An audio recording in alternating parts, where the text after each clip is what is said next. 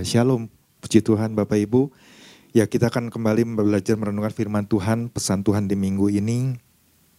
Judulnya adalah bangun dari ketertiduran rohani. Beberapa hari ini kita sudah uh, membahas ini ya dari apa yang sudah dijelaskan oleh Bapak Gembala dan juga beberapa rekan. Nah, pesan ini kalau saya apa renungkan juga ini ini jelas uh, adalah sebuah teguran bagi kita gerejanya. Jangan sampai kita Eh, dalam keadaan yang tidak disadari. Ya sesungguhnya mungkin didapati bahwa diri kita sebagai orang-orang percaya ini mungkin ternyata lagi uh, di, di mata Tuhan itu sedang mengalami ketertiduran rohani ya atau spiritual uh, slumber ini. Bahkan mungkin uh, karena nggak menyadarinya kita membiarkannya sampai dalam kon, uh, keadaan yang koma Ya Bapak Ibu bisa bayangkan kalau orang yang koma di rumah sakit itu kan nggak nggak bisa apa-apa, nggak melakukan apa-apa. Ya mungkin ada di ruang ICU dengan berbagai peralatan yang digunakan. Ya kalau kita mungkin besuk, kita cuma dengar suara mesin nit nit nit seperti itu. Ya kasihan sekali gitu seperti itu. Nah bayangkan kalau kita sebagai anak-anak Tuhan, ya ketika kita udah dapat pesan ini kita masih dalam kondisi yang nggak mau memahami. Ya ini ini sangat berbahaya sekali. Ya. Nah makanya kan uh, kalau kita lihat ya kita pernah mengalami satu masa di bangsa ini hampir tiga tahun ya dalam masa pandemi. Itu satu kondisi yang ternyata bisa membawa dampak termasuk orang-orang percaya ya dampaknya adalah mungkin ketertiduran rohani makanya Tuhan ingatkan kembali Ya, Tuhan ingatkan kembali tentang hal ini. Nah, kemarin di Komsel juga kan kita sudah diingatkan bahwa ini adalah hal yang serius, ya. Pesan ini adalah sesuatu yang serius yang mana yang sering kali terjadi atau melanda kehidupan ya orang-orang percaya dari zaman ke zaman. Artinya kan berarti kita harus memperhatikan hal ini dengan baik, ya. Kita kemarin sudah belajar makna dari kalimat bangunlah kamu dari tidur, ya yang sudah dijelaskan Bapak Gembala, ya bahwa apa yang diserukan Rasul Paulus ini kan bukan dalam arti literal ya seperti membangunkan seseorang dari tidur. Tapi di sini dikatakan uh, kita harus percaya nih bahwa kalau kita membiarkan diri kita atau rohani dari setiap orang percaya itu tertidur, maka segala jerat dosa, kegelapan mulai mengintai. Tidak menyadari kondisinya yang demikian. Nah, kita diingatkan jangan sampai itu terjadi bahkan sampai berakhir dengan tragis ya. Demikian juga ada makna lainnya yang dari rasa aman yang palsu ya.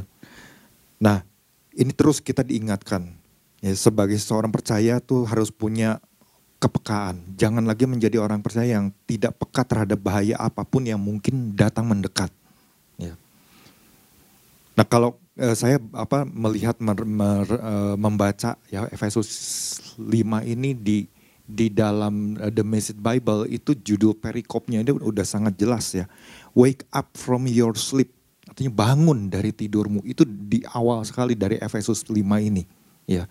Nah kemarin juga kan kita diingatkan kalau Bapak Ibu yang punya terjemahan New King James Version itu kan dibagi beberapa hal. Ya. Ada uh, satu uh, bagian di sini dikatakan uh, walk in the light. Ya Artinya kan kita diingatkan bahwa kita sebagai anak-anak Tuhan harus berjalan di dalam terang itu. Artinya ada sesuatu yang penting. Nah nanti kita akan belajar di bagian dalam. Ya, nah saya bacakan kembali inti pesan Tuhannya. Kan, kenapa saya bacakan kembali kemarin? Saudara Mar Marbun juga sudah mengingatkannya. Artinya kan bahwa ini perlu untuk kita terus renungkan. Ya, pesan demi pesan yang Tuhan berikan, jangan sampai terlewatkan begitu aja. Ya, Nah ini kan Tuhan melalui firman-Nya sedang berkata kepada kita gerejanya untuk bangun, ya bangun dari tidur. Jangan larut dalam mimpi-mimpi indah berupa keinginan-keinginan pribadi manusia yang menghendaki ingin menjadi seperti ini dan itu. Ya.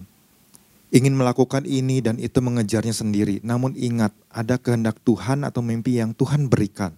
Ya, ya contohnya seperti mim, uh, yang Tuhan berikan kepada Yusuf. Ya, sesuatu yang yang Tuhan tuangkan yang melalui visi dan rencananya dalam berbagai cara kepada orang percaya. Nah, lewat pesan Tuhan ini juga ini bagaikan sebuah lonceng pembangun atau wake up call kepada setiap orang percaya agar orang percaya terbangun ya. Artinya apa? Ini suatu peringatan bahwa apabila kita terus larut dalam tiduran rohani, maka kematian yang ada di sekeliling siap untuk menyergap. Nah, untuk selengkapnya Bapak Ibu yang belum mendengar pesan ini atau kita yang udah mendengar pesan ini tidak ada salahnya kita kembali mendengar mengulang ya di YouTube atau aplikasi RDMB kita baca kembali ya warta ya poin-poin yang sudah di, di, diingatkan ya kemarin ada dua hal menjadi pribadi yang menyadari akan ciri dari akibat dari tertidurnya rohani. Ya, ya.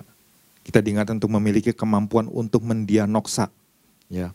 Hal lainnya adalah menjadi lonceng atau alarm pembangun bagi sekeliling kita. Nah pagi ini, pagi hari ini yang bisa saya sharingkan, apa yang saya renungkan lewat pesan ini, bagaimana agar, uh, ya apa yang harus kita lakukan agar spirit of slumber ini, ya, roh yang membuat orang percaya tertidur ini tidak dapat mengambil keuntungan atas diri kita sebagai orang percaya yang sejatinya dikatakan Tuhan bahwa kita ini adalah bagian dari kerajaan sorga ya pesan yang kita terima minggu lalu. Nah yang saya bagikan pagi hari ini adalah menyadari pentingnya tugas dan tanggung jawab yang sudah Tuhan percayakan kepada kita masing-masing. Ya kalau kita nggak menyadari ini adalah sebuah tugas sebuah tanggung jawab yang Tuhan lagi percayakan kepada kita masing-masing, maka kita akan menjadi orang-orang yang senantiasa men, apa ada di dalam kondisi ketertiduran rohani. Ayatnya diambil dari ayat dasar yang yang menjadi perenungan firman di dalam Efesus 5 ayat yang 14. Itulah sebabnya dikatakan bangunlah hai kamu yang tidur dan bangkitlah dari antara orang mati dan Kristus akan bercahaya atas kamu. Nah, ketika saya renungkan poin ini, Berarti apa yang harus saya miliki? Saya harus memiliki pandangan yang jauh ke depan. Ketika Tuhan percayakan ada tugas, ada tanggung jawab, maka yang harus saya pikirkan adalah saya harus bisa melihat bagaimana cara Tuhan memandang jauh ke depan. Kalau saya nggak menyadari hal itu misalnya, maka ya bisa saja di tengah-tengah jalan saya mulai melorot. Mulai ada di dalam satu wilayah ketertiduran rohani mulai nggak peduli lagi. Ya. Jadi kalau kita renungkan ayat ini, kalau Bapak Ibu baca baik-baik di ayat ini saja, ini pasti akan mendapatkan sesuatu yang menyadarkan diri kita. Ya. Artinya ada satu tugas yang harus kita ingat baik-baik. Ya tentu tugas itu kan dibarengi dengan sebuah tanggung jawab. Ya. Karena di kan jelas kan bangunlah hai kamu yang tidur dan bangkitlah dari antara orang mati. Ya. Kemudian juga eh, saudara Marwan satu persatu sudah menjelaskan ya ada tiga hal yang diingatkan yaitu bangun kemudian bangkit dari orang, mati kemudian Kristus percaya atas kamu itu hal-hal yang penting yang harus kita perhatikan baik-baik ya. Nah kalau misalnya Bapak Ibu di dalam sebuah rumah tangga aja kita tahu dalam rumah tangga ada suami atau kepala ayah ya sebagai kepala keluarga yang punya fungsi sebagai imam ada istri yang berfungsi sebagai penolong buat suami. Ya. Kemudian ada anak-anak yang Tuhan percayakan. Ya. Kalau kita enggak menyadari tugas dan tanggung jawab misalnya sebagai imam, sebagai kepala keluarga, ya kita kemudian membiarkan hal ini, ya, membiarkan fungsinya tidak berjalan sebagaimana seharusnya, maka yang terjadi ya di dalam keluarga itu adalah sesuatu yang bisa satu saat yang menjadi sebuah kehancuran. Istri mungkin tidak berfungsi sebagaimana seharusnya sebagai seorang penolong.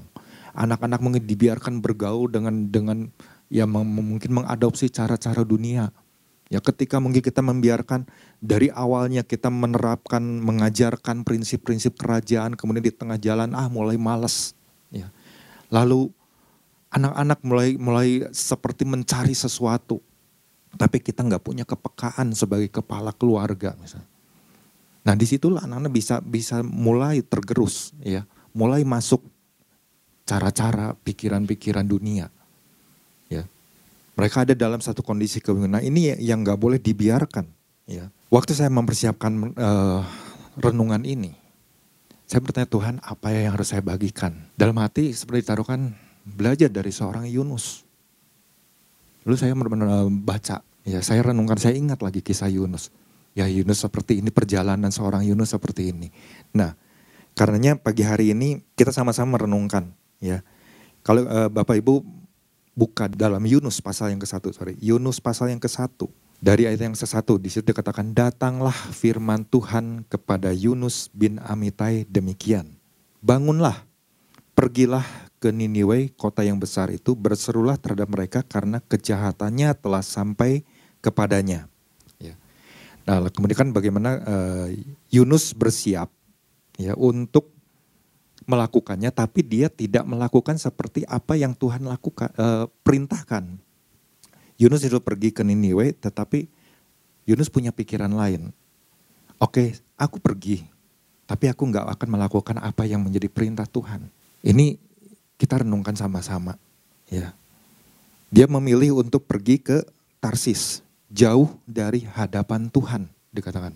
Ya di ayat yang ketiga, jauh dari hadapan Tuhan. Artinya ketika saya renungkan ini, oh betapa bahayanya ya.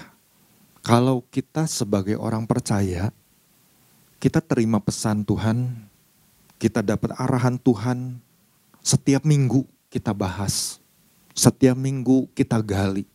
Ya. Tapi mungkin kita seperti seorang Yunus ini, sebagai seorang hamba Tuhan, sebagai seorang pengerja, sebagai seorang jemaat, ya dengar firman Tuhan, baca firman Tuhan, merenungkan firman Tuhan, tapi kita nggak melakukannya. Kita melakukannya berdasarkan apa yang menjadi keinginan kita, kehendak kita. Ya. Padahal Tuhan sudah mengingatkan tentang hal ini, tapi kita tidak melakukannya. Wah, betapa bahayanya, saya katakan. Ya. Nah kalau Bapak Ibu lihat kan perjalanan e, Yunus ini kan waktu dia sudah ada di kapal, tiba-tiba kan bagaimana Tuhan menurunkan angin, ya, angin ribut ke laut, terjadilah badai besar sehingga kapal itu hampir-hampir terpukul hancur. Ya. Jadi kita bisa bayangkan kondisi cuaca apa perjalanan dari Yunus di situ. Kapal hampir hancur, ada badai yang begitu kuat ya dan lain sebagainya. Tapi apa yang dilakukan oleh seorang Yunus pada waktu itu? Kalau Bapak Ibu lanjutkan ya pembacaannya di ayat yang kelima bagiannya di situ karena tetapi Yunus telah turun ke dalam ruang kapal yang paling bawah dan berbaring di situ lalu tertidur dengan nyenyak. Ya. Nah ini kan bermakna kalau kita sebagai umat Tuhan, kita membiarkan diri kita ada di dalam sebuah ketertiduran yang nyenyak merasa nyaman, udah nggak usah lagi melakukan apa yang Tuhan suruh. Ya, ini sangat berbahaya. Karena apa?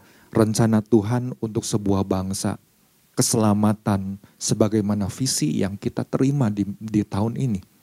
Tahun menyatakan kasih Tuhan untuk mencelikan mata yang buta.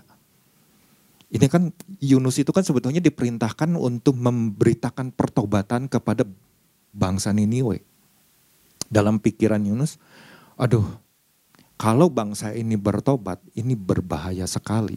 Karena apa? Di dalam pandangan ya Yunus, memang nggak salah. Orang Niniwe, Niniwe itu adalah ibu kota Asyur pada waktu itu.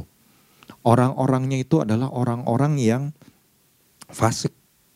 Orang-orang yang melakukan kejahatan. Orang-orang yang dursila. Ya.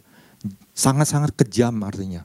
Jadi dalam bayangan Yunus, ini kalau dibiarkan seperti ini, ini bahaya sekali buat bangsa dia. Jadi dalam pikiran dia mungkin dia berpikir benar, ya. Tetapi dalam pandangan Tuhan ini salah. Artinya seorang Yunus dia tidak bisa memandang jauh ke depan apa yang menjadi rencana Tuhan buat bangsa Niniwe ini. Ya. Bangsa Niniwe ini kan kalau Bapak Ibu baca ini kan kisahnya sangat pendek ya. Kalau saya buka ini cuma satu satu lembar begini, artinya kan sangat pendek kisahnya. Kalau kita renungkan baik-baik, wah ini bangsa Niniwe kan dikatakan di, di ayat yang eh, pasal yang keempat ayat yang ke sebelasnya itu kan dikatakan bahwa 120 ribu orang ya semuanya tak tahu membedakan tangan kanan dan tangan kiri. Ya. Artinya kan bagaimana orang-orang di sana itu wah udah udah ada dalam satu kondisi kebutaan rohani yang demikian parah. Ya. Gak bisa membedakan mana yang baik, mana yang benar. Tangan kiri atau tangan kanan dan itu udah udah benar-benar dalam kondisi yang but. Tapi Tuhan punya kasih yang luar biasa. Tuhan mengampuni setiap dosa mereka. Nah ini yang nggak ditangkap oleh seorang Yunus. Jadi saya waktu merenungkan, iya ya Tuhan mungkin sebagai gereja Tuhan, barangkali ini yang harus saya renungkan secara pribadi juga. Ya, apakah mungkin saya bisa menjadi apa selama ini sudah menjadi penghalang bagi orang lain? Ya, mungkin selama ini udah jadi batu sandungan bagi orang lain untuk bisa mengenal Tuhan. Ya. Karena apa? Karena sikap yang yang ditunjukkan nggak peduli. Ya. Ini kan Yunus waktu dia ada di perahu kan nggak peduli. Waktu ada angin, angin badai itu kan kapal goyang-goyang seperti itu. Saya membayangkan kalau saya di kapal seperti itu mabok Bapak. Ya. Nggak enak gitu. Tapi ini dia bisa tidur nyenyak. Artinya kan mungkin dalam kondisi ah peduli amat gitu kan. Orang-orang yang harusnya mungkin bisa dia beritakan tentang siapa Tuhannya ini, dia tidak peduli. Dia bersikap masa bodoh. Pokoknya tujuan saya adalah pergi ke Tarsis. Ya, saya nggak mau melakukan apa yang menjadi perintah Tuhan. Saya nggak mau melakukan apa yang menjadi tuntunan Tuhan. Nah ini artinya jangan sampai kita sebagai orang percaya membiarkan diri kita ada dalam satu situasi yang seperti ini. Jadi pelajaran apa nih yang bisa kita kita dapatkan? Nah, ini kan kalau kita kita ingat kembali seperti poin saya tadi. Jangan sampai kita tidak menyadari ada tugas dan tanggung jawab yang penting ya, yang Tuhan sudah percayakan. Yunus sudah dipercayakan sesuatu. Eh, kamu pergi ke sana ke Niniwe. Tapi Yunus tidak melakukannya. Dia lebih melepas tanggung jawab itu dan dia lebih memilih apa yang menjadi rencananya, menjadi keinginannya. Ya. Dia membiarkan orang, biarin aja orang-orang itu buta. Ya, biarinin aja orang-orang itu melakukan apa yang mungkin selama ini mereka lakukan. Ya. Dan kalau Bapak Ibu ingat kan ini bagaimana Tuhan udah ingatkan sampai akhirnya ya Yunus mulai menyadari kesalahannya.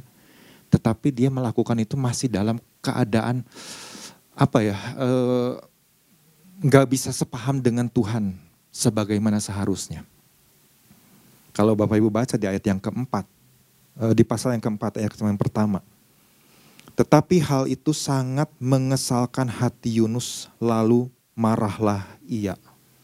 Artinya ini hatinya tuh masih panas melihat pertobatan bangsa lain karena apa yang Tuhan sudah lakukan. Tuhan begitu mengasihi setiap orang.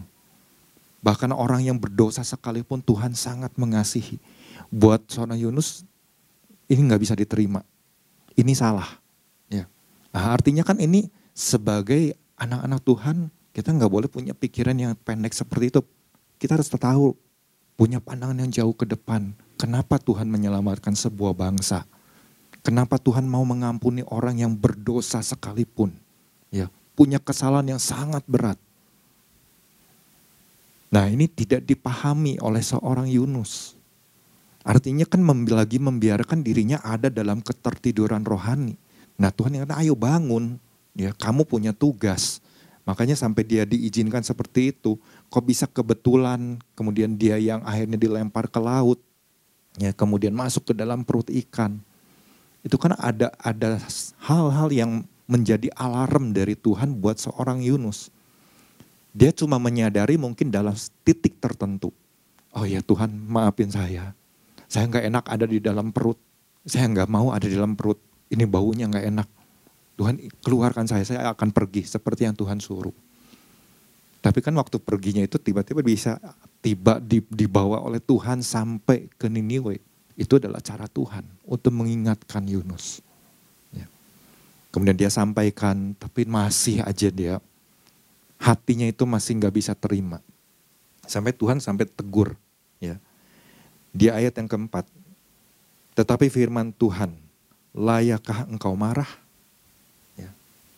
Nah mungkin ini menjadi perenungan buat kita ya lewat kisah ini. Jadi dari apa yang saya renungkan dari poin ini, ada dua bagian yang, yang mungkin bisa kita sama-sama renungkan.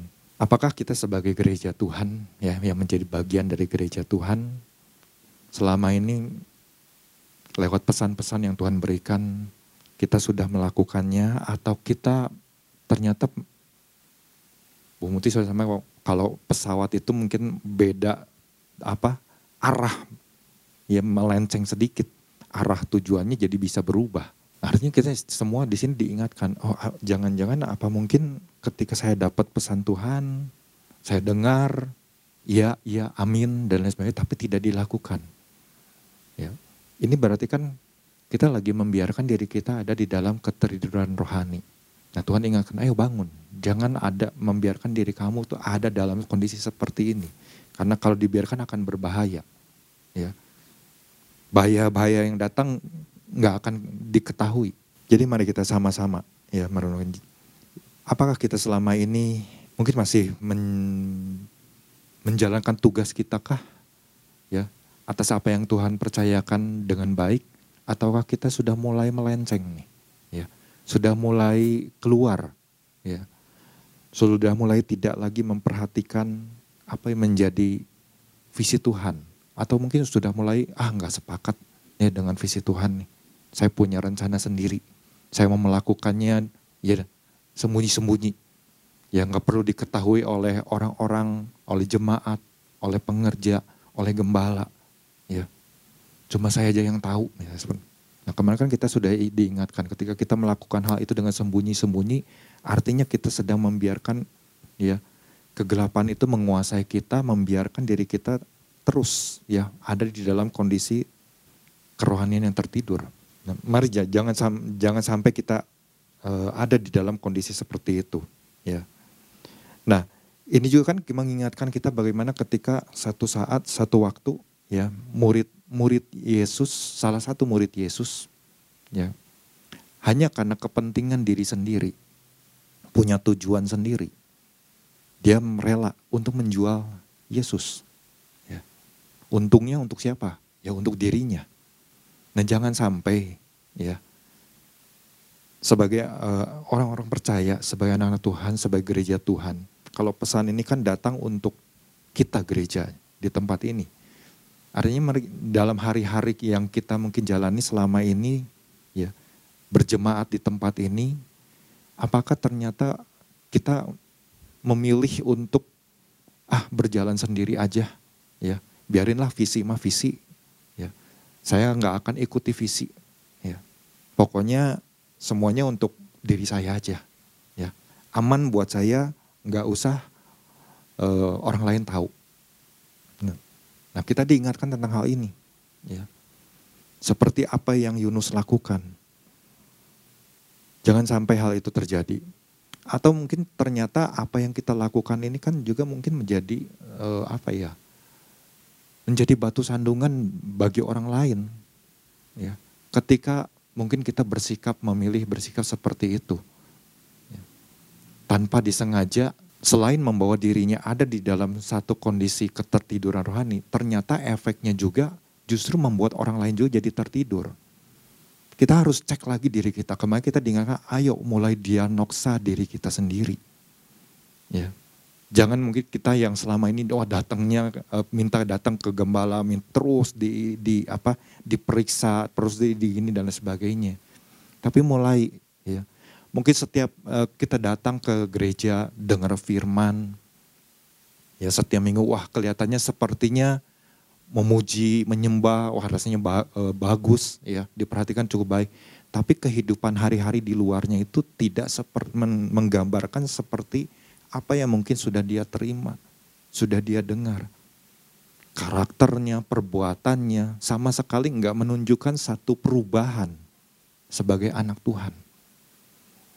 Nah artinya kan tanpa disadari itu orang, orang tersebut sedang ada dalam sebuah kondisi ketertiduran rohani. Spirit of slumbernya itu menguasai dirinya. Dan dia tidak menyadarinya. Nah itu adalah hal-hal yang kita dengan oh kalau mungkin kita cek lagi ya. Kalau ternyata oh ternyata saya seperti itu ya. Mungkin tanpa sengaja saya melakukan hal itu. Wah berarti saya salah. Misalnya seperti itu. Segera perbaiki ya, ya. nah ini kita mari kita menjadi orang-orang yang punya kedewasaan. Ketika mungkin ada masalah bisa nggak masalah ini dipecahkan dengan baik bisa nggak kita meredam masalah ini, menyelesaikannya dengan baik? Sama mungkin seperti kalau kalau kita dalam keluarga, ya. Ketika eh, anak-anak misalnya wah sulit untuk diajak uh, apa mesbah, yang satu misalnya punya kesibukan sendiri. Nah kan kadang-kadang kan dalamnya nggak mungkin kita langsung tegur, eh kamu harus begini, begini, begini ya. Nggak boleh begini, nggak boleh begitu. Tapi kan mulai orang tua harus mulai belajar mencari cara. Misalnya ajak anak pergi ya berdua, terus ngobrol, ya gali hatinya. Jadi kan mengambil suasana yang yang enak, mulai mendekati. Ya. Mungkin selama ini apa nih yang saya salah, saya sebagai imam misalnya. Kemudian ajak bicara, ya. Mulai menghadap. Kalau dulu kan biasanya kan kalau orang tua kan selalu ngatur kamu harus gini kamu harus kamu harus ke sekolah minggu kamu harus ke gereja ya. Ketika anak sudah bertumbuh dewasa kalau dia, dia terus-terusan seperti itu kan dianggap seperti anak kecil terus ya dia atur atur terus. Tapi kan mulai enggak. Mulai anak-anak diajak bicara kenapa kamu nggak mau pergi ke gereja? Oh karena ini. Nah cari jalan keluarnya apa yang harus kita lakukan. Supaya anak ini kan tetap dia bisa terbangun ya. Kerohaniannya bisa terus ter, terbangun ya. Kita terus ingatkan. Jadi ada ada hal-hal yang mungkin pendekatannya berbeda gitu ya. Seperti itu. Bagian lainnya adalah kalau kita tidak menyadari tugas dan tanggung jawab ini yang yang sama-sama kita renungkan ya artinya lewat pesan ini yuk kita cek lah ya kita uh, keterbukaan itu kan awal dari sebuah pemulihan. Ya, kita sering kali dengar istilah itu. Artinya ketika kita mau membuka hati kita, mulai memeriksa kembali, aduh Tuhan selama ini apa ya yang saya masih salah melakukannya, ya. Apa yang mungkin selama ini belum saya tangkap ya. Karena kan kalau misalnya kita gagal memahami apa yang menjadi arahan Tuhan, ya kita akan tersesat. Sama seperti seorang Yunus ini dikuasai oleh rasa kemarahan. Ya. Padahal Tuhan sudah tahu, dia tahu, oh Tuhan itu maha pengasih, maha pengampun, maha penyayang. Dia sangat tahu pribadi Tuhan. Tapi kasih dia terhadap sesama itu udah udah dingin. Udah nggak peduli. Itu mungkin sama juga seperti apa yang terjadi di dalam jemaat di Efesus. Ya mungkin sama Tuhannya masih oke okay lah. Tetapi sama jemaat yang lain sesamanya. Mungkin udah dia jadi dingin, peduli amat lah. Dia mau melakukan dosa, dia mau melakukan ini padahal udah dikasih tahu, ditegur juga dia nggak peduli. Kadang-kadang mungkin orang akan bersih seperti itu, artinya kita sedang membiarkan diri kita juga ada dalam ketertiduran. Padahal kita punya tugas mencelikan mata yang buta, ya menyatakan tahun kasih uh, Tuhan. Ya. Nah ini yang nggak boleh terjadi, ya justru buat buat setiap orang-orang percaya. Dan saya saya ya yakin ya saya percaya Bapak Ibu setiap kita adalah orang-orang yang bisa menyikapi dengan dewasa. Ketika kita mungkin ditegur, artinya wah saya bersyukur. Artinya kita punya satu respon yang benar. Apa yang salah ya? Oh kalau saya salah dalam hal ini, ya kita perbaiki. Ya, kita perbaiki, oh iya ya. Mungkin saya salah dalam hal tidak memperhatikan dengan baik. Tidak melakukan dengan baik ya, tidak melakukan dengan tepat. Ya. Itu yang yang bisa kita lakukan. Ya, waktu kita mungkin mendapat teguran dari pimpinan, dari seorang gembala, atau di mana pun ketika bekerja, ya, ada hal-hal yang mungkin harus terus kita perbaiki. Artinya kita bukan orang yang sempurna. Ketika kita mungkin bisa setiap hari datang doa pagi, justru kita semakin lebih lagi dikoreksi. Ya, semakin lebih lagi ingin menjadi pribadi yang semakin terus semakin berkenan ya bukan untuk menyombongkan diri terhadap uh, jemaat atau orang yang mungkin jarang datang ibadah dan sebagainya bukan tapi justru kita diingatkan kemarin menja harus menjadi lonceng. Ya. Menjadi orang-orang yang membangun. Ya. Kalau bapak ibu mungkin uh, melihat di dalam ketentaraan gitu kan prajurit waktu tertidur tiba-tiba komandannya jam 4 pagi membunyikan alarm gitu kan. Kalau nggak bangun kan kadang-kadang diteriakin, bangun! Ya dengan uh, perkataan yang keras seperti itu. Nah itu kan sebuah hal yang seharusnya kita sebagai orang percaya memang seperti itu. Jadi lewat lewat lewat uh, renungan ini iya ya Tuhan mungkin ini menjadi sebuah pelajaran ya buat diri saya pribadi tentunya juga ya.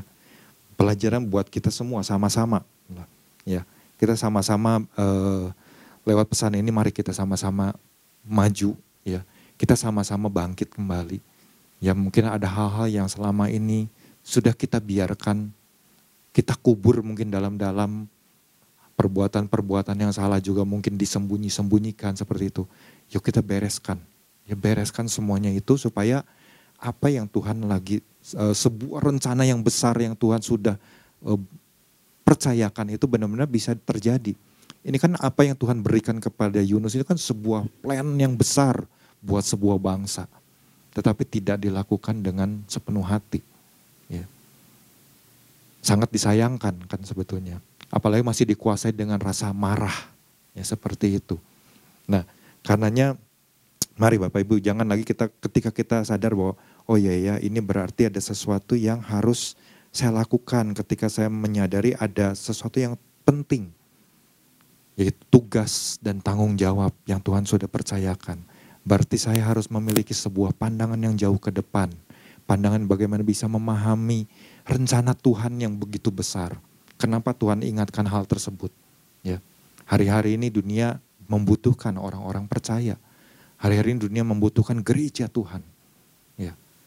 Untuk apa? Untuk menguatkan mereka untuk menyatakan ya bahwa Tuhan begitu mengasihi mereka. Ya Tuhan Yesus memberkati.